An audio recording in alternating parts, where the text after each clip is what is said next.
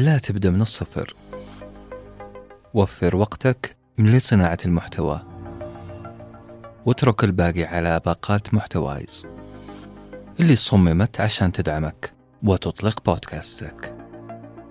الآن لاختيار باقتك المفضلة والتسجيل فيها. تفضل بزيارة الرابط في وصف الحلقة.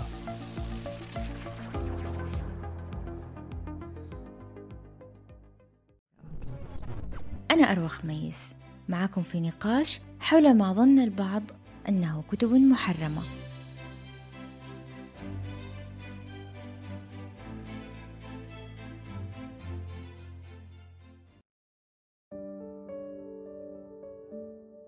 أهلا وسهلا بكم في حلقة جديدة من كتب محرمة. حلقتنا اليوم عن كتاب مختلف تماما مختلف عن يمكن كتابنا الأول والثاني. وإحنا كل مرة حقيقة بنراعي أو بنتعنى إننا يعني يكون كتابنا في منطقة مختلفة. المرة الأولى كتابنا كان يتناول يمكن قضية فلسفية فكرية كان كتابنا عن العدمية.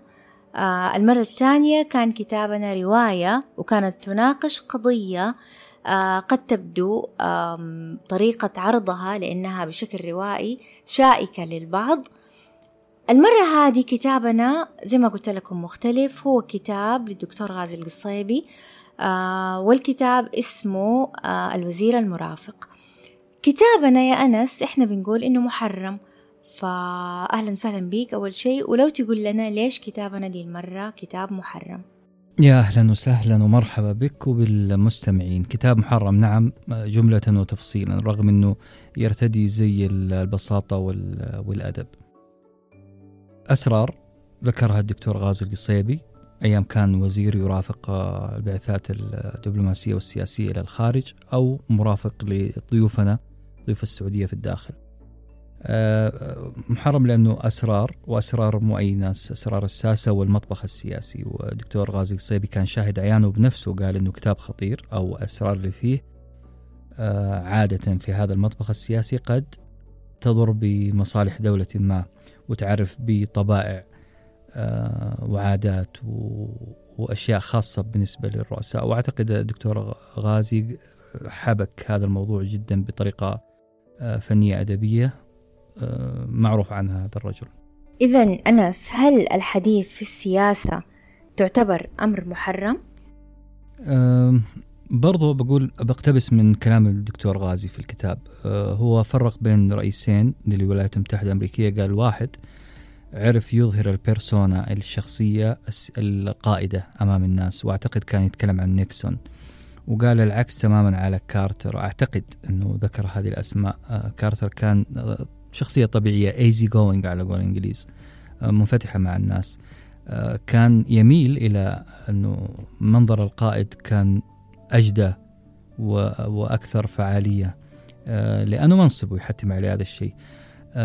فالكلام عن هذه النقاط تعتبر تعتبر أنا أشوفها أسرار باح بها الدكتور غازي الصيبي بطريقة فنية آه، بطريقة آه، على قولهم آه، بخيوط ناعمة جدا من الأدب في موضوع حساس جدا. فنعم كلام عن السياسة خطير وخاصة الكواليس خاصة الكواليس. إذا إذا السياسة تعتبر تابو. هي أصلا تابو. فهل تتوقع أنه دكتور غازي طرق أبواب هذا التابو؟ التابو الدين والجنس والسياسة. فلأي درجة هو كشف كثير من الأسرار في آه، حديثه المتعلق بالقضايا السياسية. عارفة أول ما تقرأ الكتاب تقولي هذا السرد عادي. آه، فلان آدمي السياسي الفلاني حط الشوكة في اليمين وال آه، والسكينة على اليسار. كان صوته عالي كان كان يصف دكتور غازي الصيبي لكن كان يحفز القارئ إنه يشغل دماغه شوية وهو يقرأ. يستشف من هذا الوصف آه، الكواليس اللي يتكلم عنها. مو لازم يقول عن شخص ما همجي باللفظ هذا لا بل كان يعطينا المشهد وانت زي ما يقولوا صانع لعب يصنع لنا الكرة أمام المرمى وعلينا نشوت. علينا نقرر إنه هذه الشخصية همجية. فكان فعلا صريح بالصراحة الأدبية اللي هي مو مباشرة بالعكس القارئ لازم يفعل دماغه شوية عشان يكتشف. فكان صريح نعم. آه أنا دائما أقول أنس آه إنه أنا من جيل آه يعني أتربى على مقالات دكتور غازي القصيبي وعلى كتبه. وعلى أشعاره. آه أقول عن نفسي دائما أنني قصيبية الهوى والذائقة. وأنا أقدر أشوف ذا الشيء في كتاباتي في طريقة تفكيري. يعني أتمنى إني أنا أكون آه إحدى نتائجه أو تربيته يعني الأدبية بالذات. آه قبل فترة قرأت مقال آه للكاتب محمد الرطيان. الكتاب المقال نشر في جريدة المدينة آه كان في عام 2010 المقال كان عنوانه مقال صغير جدا عن رجل طويل جدا. تحدث فيه الرطيان عن الدكتور غازي القصيبي صاحب الشخصية المتعددة الأطياف الصعبة على الاحتواء وعلى التعريف. إيش كان يقول؟ كان يقول لو أن الحديث يدور حول رجل جميل جدا بحجم بحيرة لهان الأمر ولكن الحديث يدور حول الرجل البحر فمن يضمن لي عدم الغرق في منتصف الكتابة؟ أتحدث كمان الرطيان عن قائمة الدكتور غازي القصيبي الأدبية الطويلة جدا واللي شكلت وعي ذائقة جيل كامل زي ما كنت بقول لك. كان يقول الرطيان أنا من جيل عاشق غازي القصيبي وبهرته شخصيته. أردت أن أقول له إنني في طفولتي كتبت قصيدة فيك. نعم كانت ركيكة وساذجة ولغتها صادقة ومحبة لك.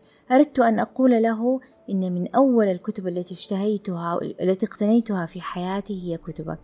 وإنك أحد الذين هذبوا ذائقتي وفتحوا النوافذ في رأسي الصغير وجعلوني أعشق صبية حسناء اسمها الحرية.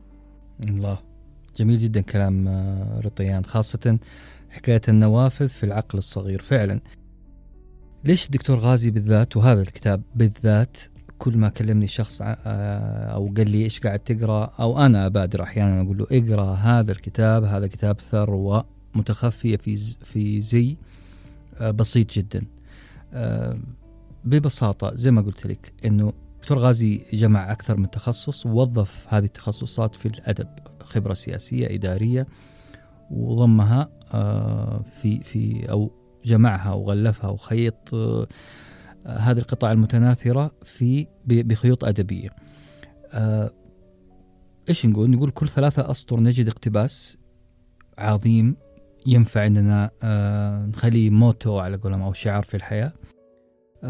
هل لأنه الأسلوب الأدبي ممكن نستخدمه في يوم من الأيام الأسلوب الأدبي ممكن نستخدمه أو الجملة الأدبية ممكن نوظفها آه، في تناص ما في نص آخر آه، أنا بالتزامن مع هذا الكتاب يا جماعة قاعد أقرأ كتاب آخر اسمه آه، The Art of Political Put Down أو فن الإهانات السياسية. برضو هذا الكتاب مو سهل.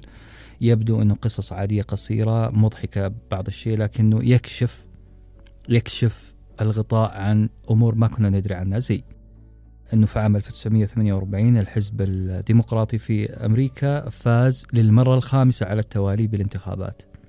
كان ترومان هو آه، الرئيس أعتقد. آه، فكاتب ذكي وظف برضو عبارات أدبية لوصف الحالة فقال الحالة آه، الحالة الوحيدة اللي يدخل الجمهوريين اللي هم أعداء الديمقراطيين اللي يدخل الجمهوريين فيها البيت الأبيض هو أن يتزوج أحدهم بنت ترومان الرئيس الأمريكي. يعني حيجي ضيف حيجي رحيمهم ما حيجي كسياسي. عبارة بسيطة تبين كيف سيطرة حزب على آخر آه ظريفة جدا. الدكتور غازي وظف الأدب مش بس النكتة في آه الوزير المرافق عشان نفهم أكثر. فعشان كذا أقول كتاب خطير كتاب قوي جدا لأي واحد بيفهم إيش صاير في العالم. آه إحدى الأشياء اللي دائما في كتب دكتور غازي إنه هي يعني بسيطة في اللفظ مباشرة أحيانا ومتوارية في كثير من الأحيان. تعرف اللي يقول أبسط الأشياء لكن وراها يعني يقدر يفهمك شيء أو يوصل لك حاجة.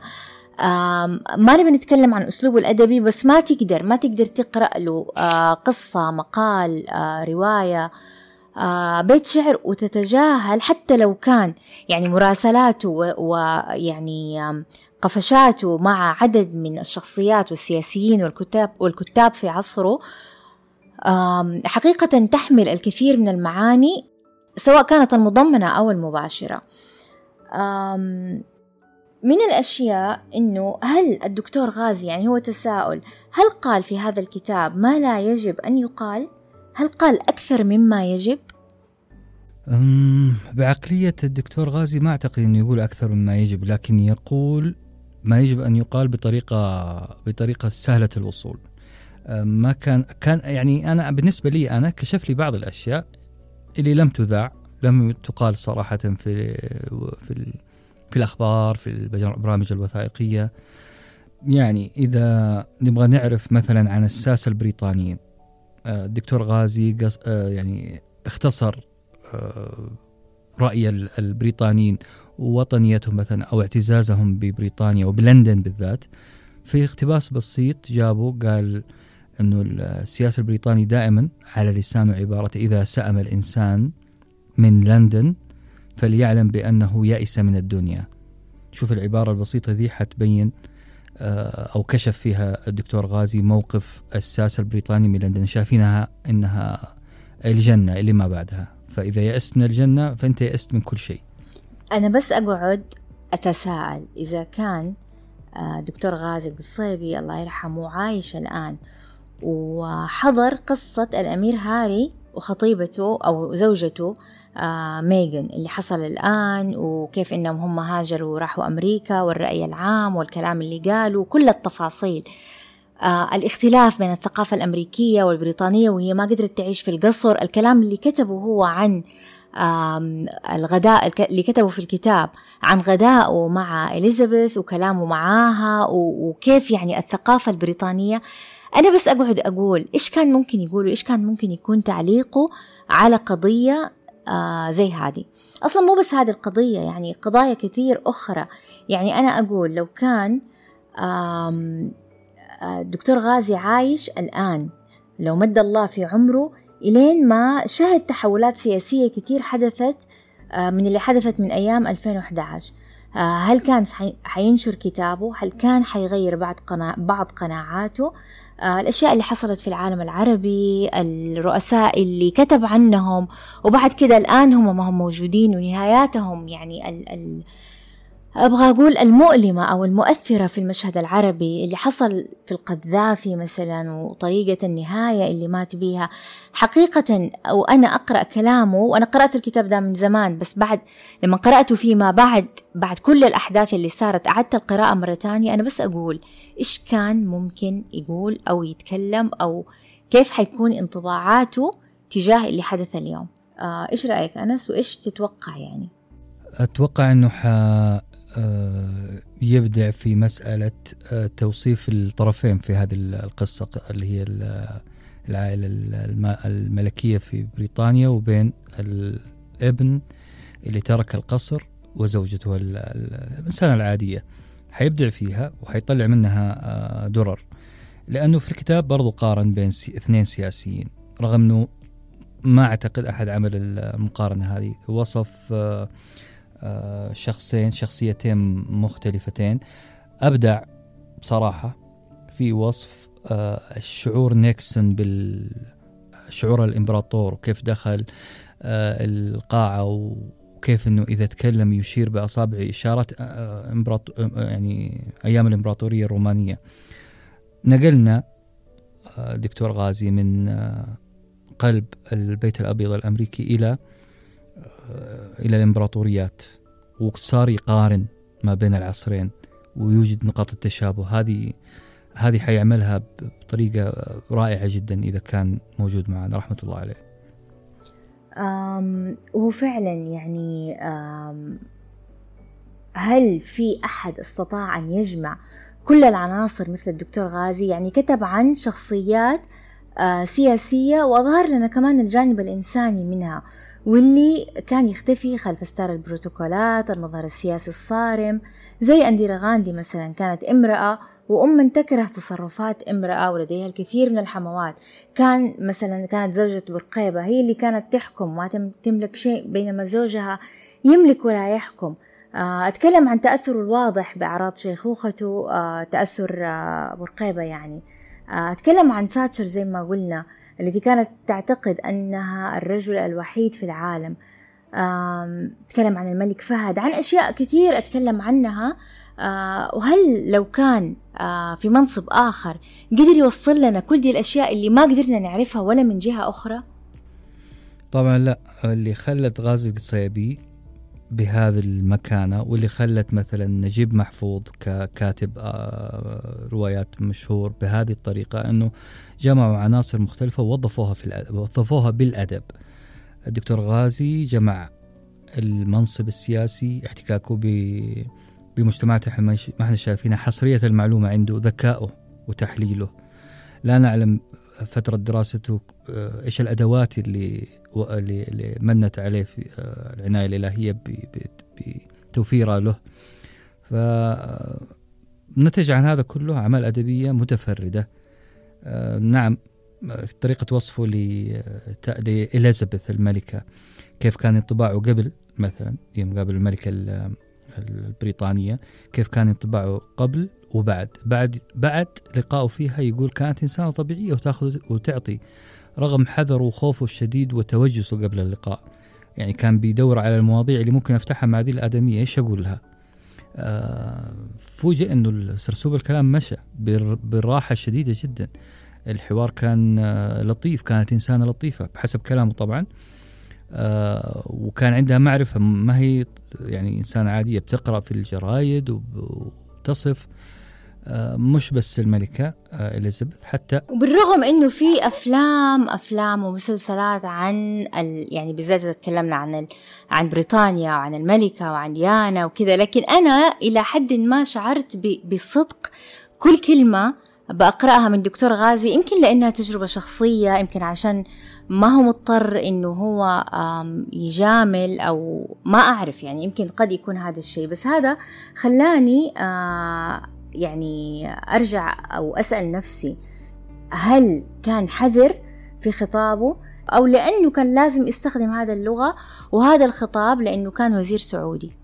أشعر إنه لو الدكتور غازي كان يبغى يقول شيء كان ممكن يقوله بمنتهى الذكاء لكنه كان حيظهر كان حيوصله.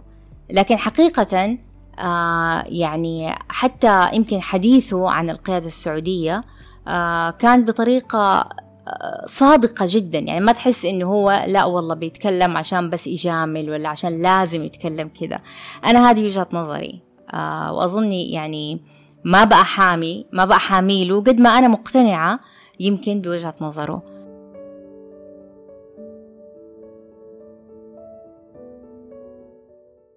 طيب أنا لما قرأت يعني من قرأت الكتاب آه فاجأتني أو مو فاجأتني بس لفتت نظري البروتوكولات السياسية. آه فيعني خطر على بالي سؤال البروتوكولات السياسية مين أول من اخترعها؟ وأصلا ليش يعني آه تعامل في العالم بمثل هذه الصرامة؟ ليش الصرامة آه في البروتوكولات؟ آه كيف أو ليش من ضمن الكلام اللي هو كتبه أو من ضمن الفصول اللي كتبها تكلم عن القذافي؟ وكان من أمتع الفصول صراحة اللي قرأتها. كيف لم يأخذ القذافي هذه البروتوكولات على محمل الجد وهذا كان الشيء المضحك يعني قد ما إحنا القيادة عندنا كانت يعني على حسب كلام دكتور غازي كانت حصيفة ورزينة لكن آه القذافي مثلا ما كان أخذ أي شيء على محمل الجد ويمكن في ذيك الفترة ما كان أحد يعترض على سياسته الشعبية الغريبة وهل كان اللي حصل بعدين فيما بعد للقذافي بسبب عدم احترامه لبعض البروتوكولات اللي ممكن تكون بسيطة بس هي تحافظ على ممكن تكون صارمة في نظر البعض بس هي بتحافظ على الأمان أو الاستقرار في دولة من الدول. ليش مثلا ما فهم أو يعني غاندي كان بيكلف الدولة أكثر يمكن برغبته في التقشف والتخلي عن مظاهر الحكم. آه كيف بريطانيا قدرت تحتفظ ببقايا العهد الملكي وتبقيه كمان كإرث مقدس في بروتوكولاتها حتى هذه اللحظة؟ يعني البروتوكولات عالم أو, أو آه شيء صراحة آه توقف قدامه وتتفرج وما أنت عارف مين صح ومين غلط. ومي وإيش الوضع اللي لازم يعني يكون هو السائد فقط للحفاظ على آه استقرار الدولة. يعني كل دولة لها بروتوكولاتها فهل المفترض أن البروتوكولات تعامل باحترام شديد أو الاتجاه إلى البساطة والشعبية في معاملة الشعب آه وإنه يكون زي ما نقول البساط أحمدي هو الأفضل. خلينا نتفق على مبدأ اللي هو اللغة الغير منطوقة لغة الجسد السلوك نفسه لغة. السلوك نفسه أو الإيماءات الجسدية لغة بحد ذاتها. آه، بالتالي البروتوكولات اللي هي فيها شوية سلوكيات معينة شعائر معينة في استقبال الضيوف برضو لغة. آه، في ناس ثائرين على هذه اللغة. في بعض السياسيين الرؤساء ثائرين على هذه اللغة ورافضين هذا الإرث اللي جاء. لذلك تلقي ردة فعلهم تجاه البروتوكولات مختلفة عن آه، الناس المحافظين عليها. بريطانيا لا محافظة عليها تماما. ولو نقرأ في البرلمان البريطاني حتلاقوا العجب. الباب يغلق في وجه الملكة ونائبها أو حارسها في وقت مجلس العموم مجلس العموم ومجلس الشعب العادي آه، عامة الشعب. إذا جاء اجتمعوا وجات الملكة تبي تطلع مجلس اللوردات فوق يغلق الباب في وجه الحارس الشخصي حقها. وهذا إرث يدل على شيء لغة يتحدثوها. إنه في في عهد بيننا وبينكم إنه ما تدخلين مثلا آه، مجلس العموم. نفس الشيء في البروتوكولات. لما آه، السعودية مثلا آه، الحكومة السعودية تستقبل رئيس دولة بطلقات في الجو أو هذه هذه لغة احترام زايد تقدير. وهذه مو بس على مستوى الدول على مستوانا إحنا كأفراد عاديين مواطنين في الضيفة مثلا مجرد إني أكسر واحد من البروتوكولات يعني عدم احترام أو إني عدم تقدير أو فهي لغة لا نقدر ما نقدر ننكرها. لغة في ناس ثاروا عليها زي بعض ضيوف آه، غازي قصيب في الكتاب وبعضهم لا. إلى أي حد طيب من الصرامة آه، نقدر نصنف المراسم الملكية السعودية وسط كل هذه الأنظمة العالمية وسط يعني آه، قراءتنا لمظاهر سياسية دولية حكى عنها دكتور غازي. وهي تتصم حقيقة بالصرامة والوضوح. فين نقدر نصنف آه، مراسمنا؟ أو يعني البروتوكول حقنا يعني حق كدولة وسط جميع الدول الأخرى. ما عندي اطلاع كبير عليها لكن أقرأ أحيانا في الجرائد أنه تم استقبال الرئيس الفلاني آه، بوجود الرئيس الفلاني. أنا أتذكر القصيبي ذكر في الكتاب الدكتور غازي إنه آه، ما أدري مين هي الدولة اللي بريطانيا في في فترة من الفترات آه رفضوا أو ما جاء الوزير أو رئيس الوزراء يستقبل الوفد. فالسعودية آه أيام الملك فهد أعتقد آه فطلبوا إنه يا يجي يستقبلنا يا نروح إحنا ماشيين إحنا محطة بريطانيا هذه ورايحين على أمريكا. فذكر إنه يا تعملوا بالبروتوكول يا آه إحنا ماشيين. آه فمن هذه العبارة أعتقد أعتقد إنه إحنا جدا محافظين عليها على البروتوكولات هذه. لأنه أكيد آه القيادة مؤمنة بأن هذه لغة تخاطب الآخر. مؤمنة بذا الشيء. آه الدكتور غازي قال صراحة عدة عبارات جدا جميلة في الكتاب. من ضمن العبارات اللي لفتت نظري آه كان يقول كنت من خلال الحديث بين ولي العهد وكارتر أتساءل لماذا لا يدرك بعض الناس وخاصة رؤساء الولايات المتحدة الحقائق إلا بعد فوات الأوان؟ مين أصلا مسؤول عن غرور أمريكا؟ هل هو تفوقها فعلا ولا إحساسنا إحنا بهذا التفوق؟ وبغض النظر عن أمريكا فقط يعني إحنا شايفين اللي حصل في العالم أصلا في الدول العربية. فهل أنت تشعر أنه آه الناس فعلا ما أدركت الحقائق إلا بعد فوات الأو... بعد فوات الأوان؟ فعلا. الدكتور غازي هذا هذا رأيه في آه في أمريكا. قال هذه الجمل و بس ما قالها بصريح العبارة في بعض الأحيان كان يجيبها على شكل برضو موقف.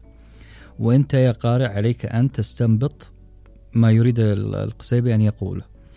آه، فواحد من السياسيين اللي قابلهم أعتقد سياسي كبير جدا آه، هو وزير أو كان يعني سمع اسم رئيس دولة عربية فسأل مين هذا؟ صيبي حط علامات تعجب في الكتاب أو الناشر حطها أو ايا كان. والمقصد فيها إنه مستحيل سياسي يحترم نفسه يسأل هذا السؤال يسأل عن اسم رئيس دولة. آه، بعكس ما بصراحة هنا بعكس ما قال عن الملكة عن بعض اللوردات في بريطانيا بعكس ما قال عن أنديرا غاندي. كان. كان قدمهم لنا على أنهم ناس آه، قمة في الاكتمال العقلي. وسداد الرأي. آه، في رأيه وكان واضح في أمريكا من هذه النقطة بالذات. الجهل الجغرافي آه، وانعزال أمريكا شوي عن العالم. وهذه حقيقة برضو أعتقد الجميع عارفها. آه، من أجمل العبارات كمان اللي قالها وأنا قلت لك إن من أجمل فصول الكتاب اللي تحدث فيها عن القذافي قال ألا يعتبر الطموح عندما يصل إلى هذا الحد من العنف نوعا من أنواع الجنون؟ ألا يعتبر الطموح عندما يصل إلى هذا الحد من العنف أخطر أنواع الجنون؟ آه هذا يعني دكتور غازي قال هذا الكلام هو ما يعرف إيش حصل للقذافي آه فصراحة يعني هذا كان رأيه على هذه الشخصية اللي كانت عصية عن الفهم واللي التاريخ أصلا أظنه ما قدر يفهمها ولا ما أعرف يعني كانت النهاية غريبة سلام. آه لشخصية فعلا كانت غريبة مم. ومو بس هذا المثال تصدقي آه، اللي ذكره الدكتور غازي في الكتاب وتحقق أو شفنا آثاره. كان يتكلم مع أنديرا غاندي عن آه، ظاهرة أعتقد يسموها التطهير آه، خليني دقيقة بس أشوف الاسم التعقيم. آه التعقيم اللي كان يمارس ضد أو ضد الشعوب اللي عدد عدد سكانها كبير جدا وبتسبب مشكلة في الاقتصاد.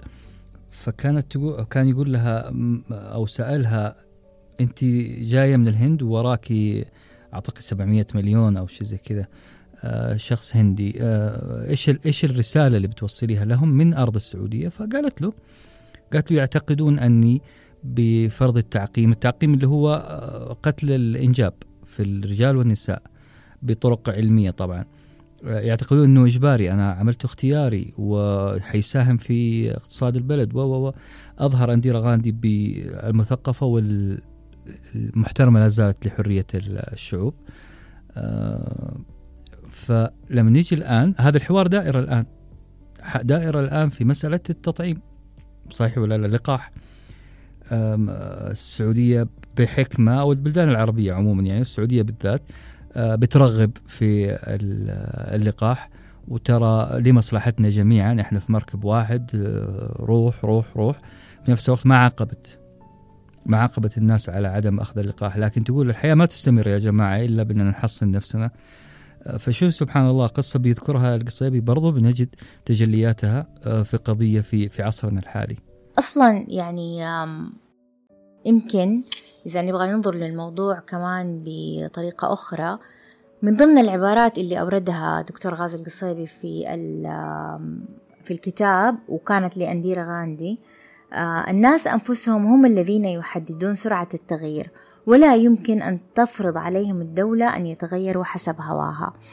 الآن التغيير اللي حصل في المجتمع السعودي يعني صراحة أنا أشعر أنه وخلينا نتكلم بصراحة يعني التغيير كان شديد ولسه اليوم أنا كنت بتناقش مع بنتي على ذا الموضوع بعد ما نزل في وزارة الثقافة مبادرة جديدة عن تتحدث عن المقاهي الثقافية. إلى حد ما أنس بيني وبينك ويعني هذا كلام يمكن تكلمنا فيه في الصباح. شعرت كده بغصة في قلبي. تذكرت كل السنوات اللي فاتت وكيف إنه أنا كان عندي نادي كتاب لمدة عشر سنين لكن كنا كله نسويه في الظلام ونجتمع من غير أحد ما يعرف. وصاحب المقهى كان يفتح لنا الباب ويقول تعالوا من الأبواب الخلفية. هذا كله عشان لا أحد يعرف إحنا بنجتمع ونناقش كتاب. الآن صار هذا الشيء من الأشياء المطلوبة وال يعني الدارجة واللي بالعكس يعني بتوجه من الدولة آه، فإلى حد كبير يعني شوية الموضوع آه، أثار شجوني جدا يعني. آه، ففعلا المجتمع الآن يمكن مجتمعنا جاهز لهذا النوع من التغيير.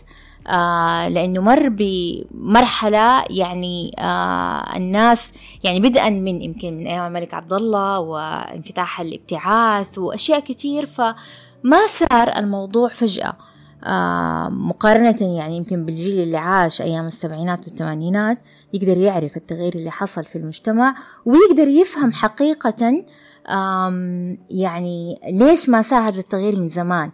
آه لأنه كان الناس ما هم مستعدين. بس هو فعلا يمكن يمكن أنا ما ما أعرف بس أنا أقول قد يكون فعلا المجتمع ما كان مستعد. يمكن خروج آه، عدد كبير من آه، أفراد المجتمع للابتعاث وتغير بعض القناعات وبعض بعض الأفكار آه، جاء القرار بتغيير يعني بخلاص قيادة المرأة وفعلا يعني ما حد أتكلم.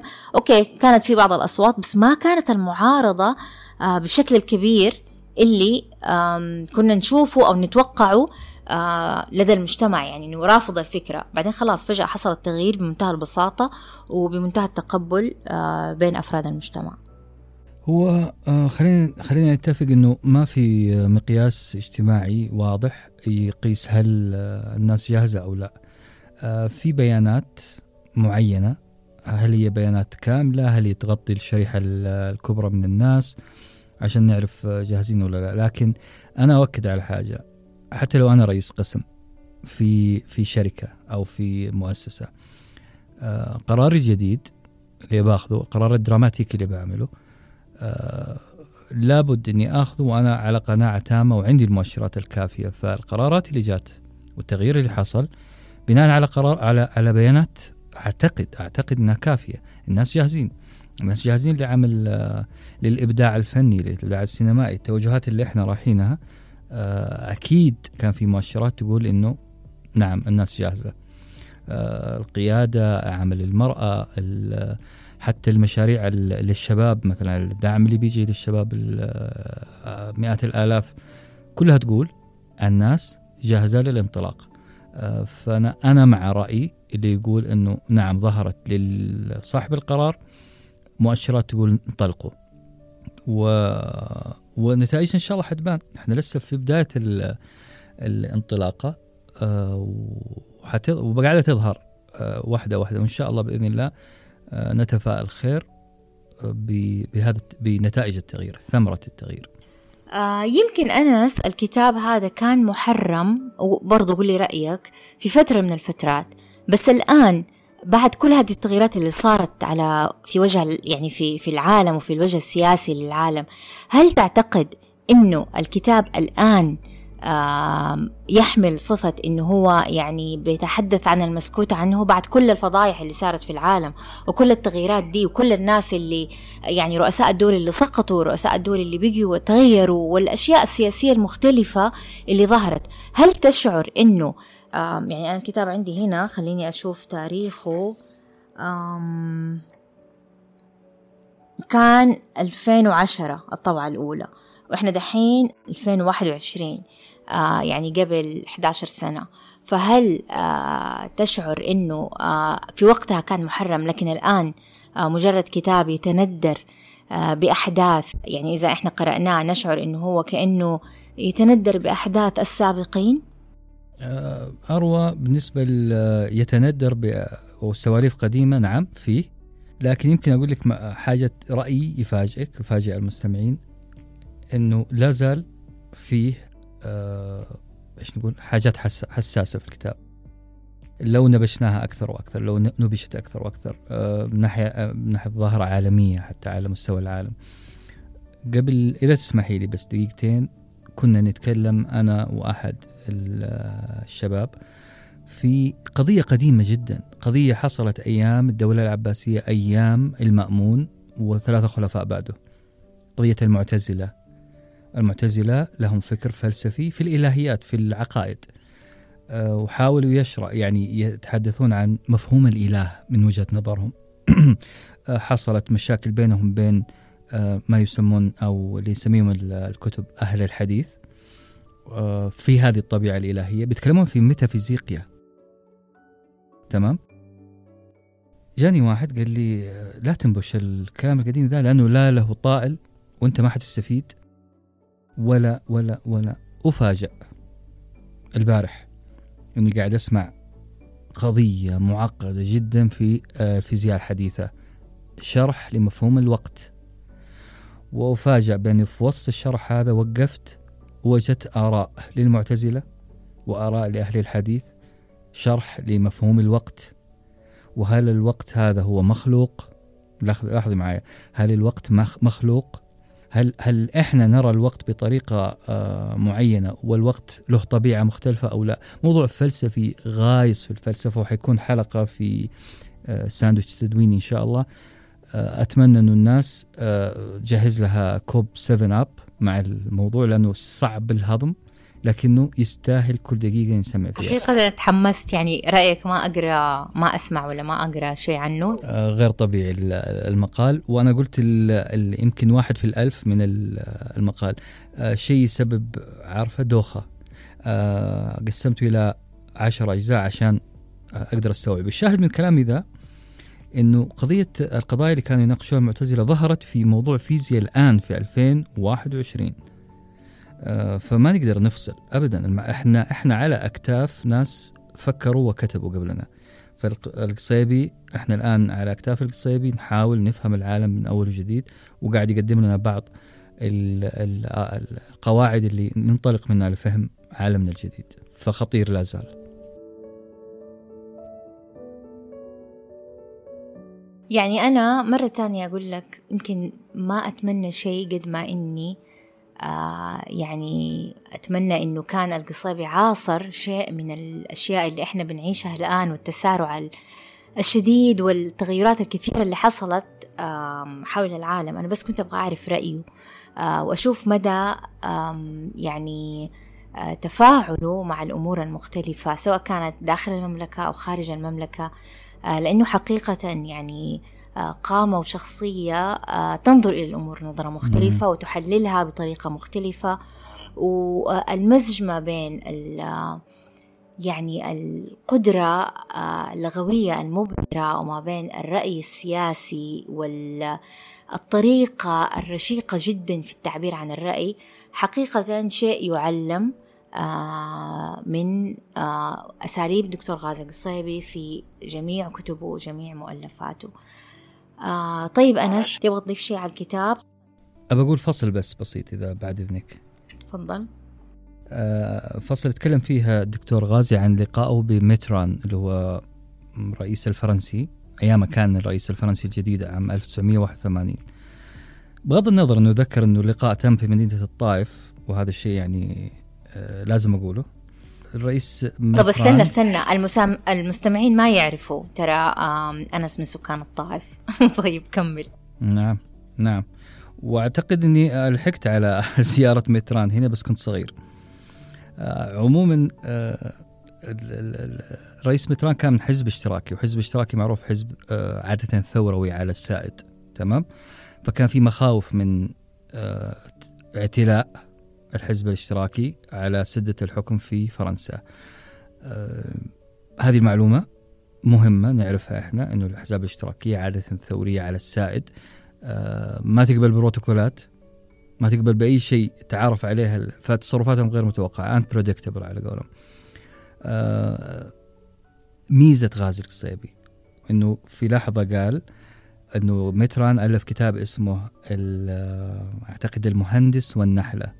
هي لحظة معايا كان يقول نحن على الأرض مهندسين ولسنا نحلا هذا رأي متران سألوا القصيبي إيش قصدك؟ ليش سميته بذا الاسم؟ قال لأنه المهند النحلة قبل قبل قرن من الآن قبل عشر قرون من الآن بتبني بيتها بنفس الطريقة وقاعدة زي ما هي بقت نحل الإنسان تطور ووصل لأعلى المراتب بإيه؟ بأنه مهندس يخترع أشكال جديدة وقالب جديدة فكان يشرح في كتابه المهندس والنحلة الفرق بين الإنسان وال الشاهد هنا سواء أنا راضي عن المهندس أو النحلة آه، إيراد القصيبي لاسم المهندس والنحلة خلى متران يرتبط بذا الاسم.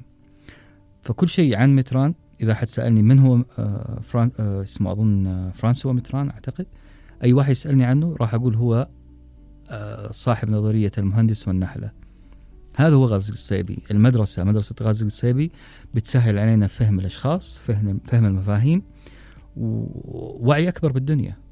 فعلا آه فعلا أنس يعني زي ما قلنا في بداية اللقاء وما بنرجع نقول نفس الكلام بس راح أقوله لأنه كلام آه دائما آه أشعر يعني الدكتور غازي حتى في قفشاته آه، في عندي أحد الكتب اللي ألفت بعد وفاته وكان يحمل أخبار كتير ورسائله اللي كتبها بخط يده لعدد من الكتاب والأمراء ويعني السياسيين ومختلف الشخصيات.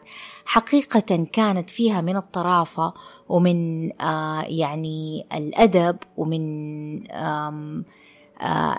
يعني الملاحظات الذكية آه، أشياء الكثير. يعني توقف قدام كل رسالة أو قدام كل عبارة كتبها آه، قصة لحالها.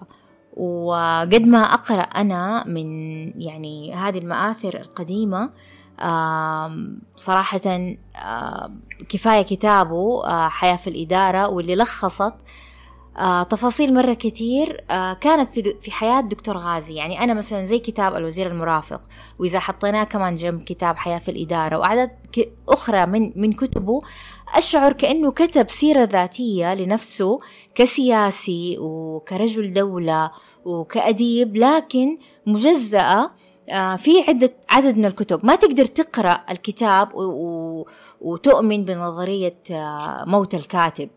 يعني تبعد الكاتب تماما وفقط تهتم بالمحتوى من الكتاب أو الآراء أو يعني المادة اللي مكتوبة فيه. ما تقدر تستثني آه، الشخصية اللي بتكتب وموقعها آه، سواء كان على مستوى سياسي أو على مستوى شخصي أو إنساني. فحقيقة الكتاب رغم أنه يعني بتصنيفنا إحنا كان كتاب من الكتب المحرمة علشان كان بس يناقش قضية آه، أو قضايا سياسية آه، كانت شائكة في وقتها ويمكن ما زالت الآن يعني ما يتكلموا عنها الساسة وال يعني القوات في مناصب مختلفة. لكني أدعوكم حقيقة إلى قراءة كتاب الدكتور غازي والإستمتاع به. هو كتاب خفيف حيخلص مرة بسرعة.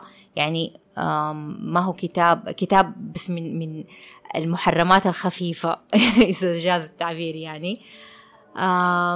وشكرا أنس مرة على يعني النقاش الحلو. وإذا كنت تبغى تتكلم عن الكتاب الثاني بس على الأقل أعطينا اسمه ومؤلفه عشان إذا أي أحد كمان يبغى يقرأه.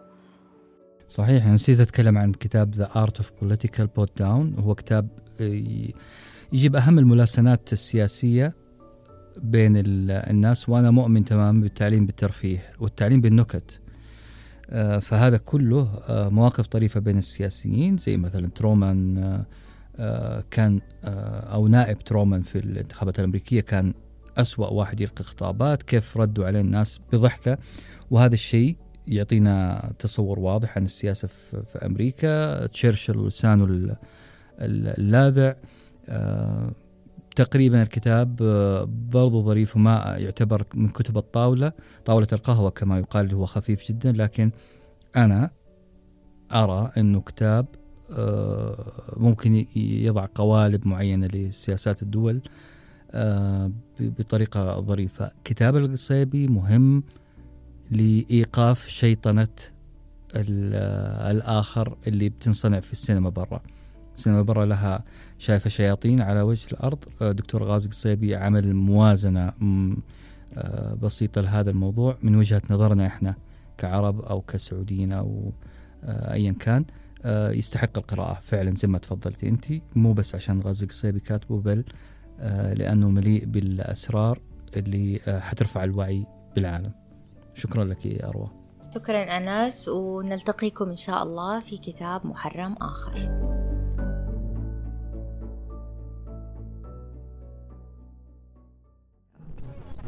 أنا أروى خميس معكم في نقاش حول ما ظن البعض أنه كتب محرمة.